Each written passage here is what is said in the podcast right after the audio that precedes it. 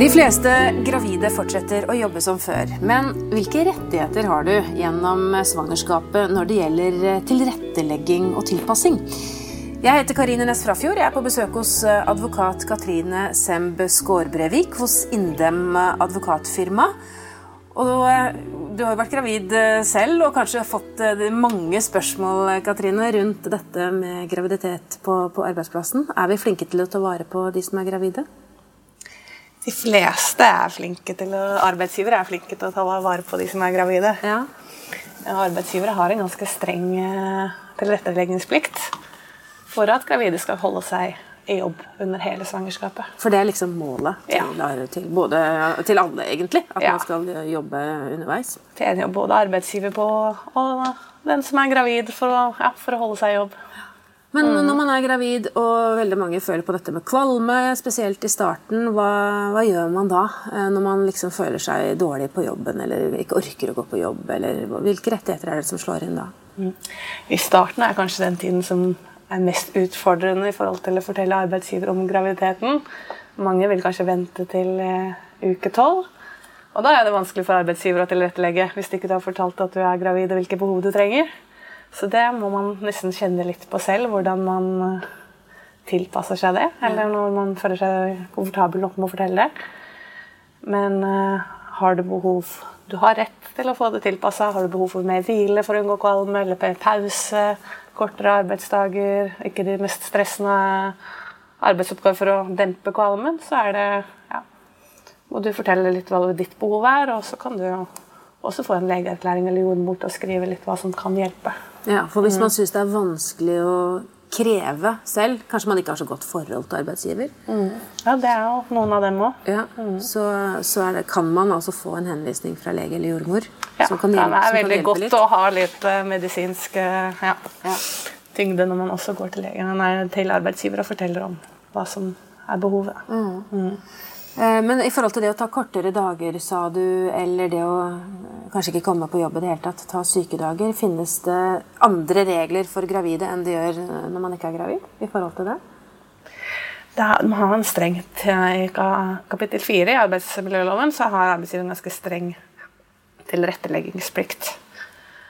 Så det går, man må tilpasse behovet. da, Man skal være en forholdsmessighet i forhold til eh, behovet og ah, ulempene for arbeidsgiver. da. Eh, Men du kan f.eks. ikke jobbe overtid, eller sånn mindre overtid i perioder. Eh, Kanskje hjelper du å ha bekkenløsning og lang reisevei og ha hjemmekontor en dag i uka, hvis det er mulig. Kanskje kan du hvile, hvile litt oftere. Etter eh, arbeidsplassforskriften så har faktisk gravide også rett til å ha et sted å kunne hvile seg i løpet av arbeidsdagen. Også ammene. Mm. Og så er det jo enkelte som har eh, jobber som gjør at eh, det kan være farlig eh, å være på jobb når man er gravid. Ja, det er jo også Da kan jo man faktisk ikke utføre jobben, eller jobbe med de kjemikalier eksempel, som kan være farlige for fosteret. Um, og det skal arbeidsgiver mm, Da må arbeidsgiver forsøke å tilpasse, så man unngår å jobbe med de kjemikaliene eller unngår, unngår det som kan være skadelig. Da. Og er ikke det mulig, så har man rett til noe som heter svangerskapspenger. Eh, Så da får man jo sykepenger får man betalt for det selv om man ikke jobber. Da. Ja. Så man blir ikke sykemeldt når man får svangerskapspenger eh, og ikke jobber. Da, hvis ikke arbeidsgiver kan tilrettelegge for det. Men Betyr det at man kan risikere å bli omplassert fra sin vanlige jobb til noe helt annet? Ja. Det er jo ikke sikkert det er like greit heller. Alltid. ja, Det skal jo være inn eh, ja, rimeligheten når man skal prøve å holde seg i ja.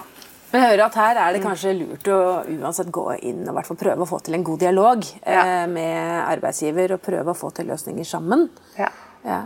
Og så er det jo, jeg vet jo det, Du nevnte kjemikalier, men det finnes jo f.eks. de som jobber eh, med utagerende mennesker innen helse og omsorg. For eksempel, eller hvis man eh, Jeg vet at veldig mange som jobber på fly, enten som pilot eller andre ting, også kan eh, måtte slutte å jobbe. ja. Det også er jo en gruppe hvor man enten må se på omplassering eller tilrettelegging, så man unngår de, unngår de situasjonene som er farlige for fosteret. Enten det er kjemikalier, eller om det er eh, vold, eller om det er eh, ja. Ja. Så hvis man føler Og hvis man ikke, ikke har arbeidsgiver kan tilrettelegge for det, så er det svangerskapspenger. Så hvis det, skylder, hvis det er jobben som gjør at ikke du kan jobbe, så får du svangerskapspenger. Og er det Er du syk eller har svangerskapsplager som man ikke, arbeidsgiver ikke kan tilrettelegge, så er det syk, sykepenger som gjelder. Mm. Um, og så er det jo det at det er jo en del ting som gravid man må gjøre. F.eks. gå på kontroller hos, uh, hos lege og jordmor. Uh, mm. Og ofte da i arbeidstiden. Er det noe som dekkes, eller blir man trukket i lønn? Det er noe som dekkes ja. for den gravide arbeidstakeren. Mm. Så det slipper man å betale for? Ja. Gjennom uh, man skal eh, Så lenge det ikke kan legges utenom arbeidstiden, de kontrollene. Men har man en uh, typisk kontorjobb fra 8 til 4 og uh, helsestasjonen eller legen åpen fra 8 til 4, så har man uh, rett til fri med lønn for å dra på svangerskapskontrollen. Ja. Men man, jobber man som deltid, derimot, så har man større mulighet for å prøve å legge svangerskapskontrollen utenom arbeidstiden. Men hva med partner, da, som har lyst til å være med på disse kontrollene? De har ikke en lovfestet rett som gravide til å dra på de kontrollene med lønn. Men man kan jo alltid spørre arbeidsgiver om fri eller avspasering. Eller arbeidsgiver skal jo ha saklig grunn for å avvise en sånn forespørsel. Og så er jo, er det fint å ha partneren med. Ja, I, spesielt kanskje første gangen, hvor man skal sjekke om fosteret er friskt Og første ultralyden og sånn. Mm. Så de fleste arbeidsgivere vil nok strekke seg langt for at også mannen skal få være med på eh, noen av svangerskapskontrollene. Ja. Mm. Og så er Det sånn at det er jo et visst antall svangerskapskontroller som, som man har da, fra det offentlige, men så mm. vet vi jo at veldig mange bruker private tjenester i tillegg. Eh, kan man helt ubegrenset, hvis man ønsker det, gå til, til jordmor i arbeidstiden? Eller finnes det liksom et tak? Nei, utgangspunktet så er det de offentlige det som er dekket, det som er tilbud om svangerskapskontrollene. Ja. Velger du å gå hver uke for å ta en ultralyd, så er ikke det noe arbeidsgiver er pliktig til å gi deg fri og betalt for. Nei. Men eh, så har jo du mellomtingen der hvor du har ekstra behov for svangerskapsoppfølging pga. svangerskapsforgiftning, eller det er lite vekst hos barnet eller fosteret, og, og at du må følges opp tettere. Og da har du da har du, om det er hver uke, så har du også rett på fri medlønn. Mm. Mm. Hvis det er medisinsk behov for det. Vi skal snakke litt mer om det vanskelige sidene av å være gravid på jobben hvis eh, du har en arbeidsgiver som det ikke er så enkelt å, å snakke med. Men eh, vi tar en liten pause først. Ja, vi snakker altså om det der med å være gravid når du er i arbeid. Hvilke rettigheter har du? Jeg er på besøk hos advokat Katrine Semb Skårbrevik hos Indem advokatfirma. Og det er jo godt å høre da, Katrine, at det er veldig mye av dette som er eh, lovpålagt. At uh, gravide har uh, mange rettigheter. Ja, gravide er godt beskytta uh, i loven, ja. ja. Mm. Så allikevel altså, ja. hører vi jo om gravide som blir forbigått eller diskriminert, eller som, mm. som, som, har det vanskelig fordi de er gravide på jobb. Er dette noe du som advokat hører om? Jeg kommer jo borti de tilfellene mange ganger flere enn de fleste. Ja. Jo, så jeg har vært borti mange saker hva er det det som gjelder det. Hva er det det går i da? Det kan være alt fra at man ikke får de samme spennende arbeidsoppgavene som før, forbi gått i lønn, kommer tilbake fra permisjon, har fått andre arbeidsoppgaver, man er i nedbemanning, eller man blir oppsagt og ja, typisk blir valgt ut. Så, ja. ja. ja.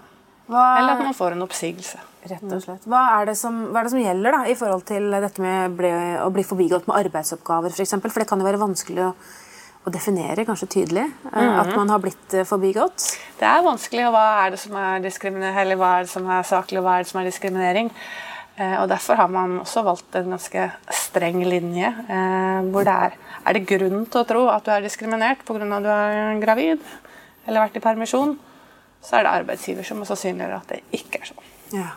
Hvordan må de gjøre det? Dokumentere det skikkelig? Ja. Og det er kanskje heller ikke like enkelt for de. Mm. Mm. Men andre, andre, ting, da? Dette med mm, oppsigelse, f.eks. Har man et eh, eget oppsigelsesvern eh, når man er gravid? Ja. Man har, eh, kan ikke bli oppsagt fordi man er gravid. Man er ikke urørlig.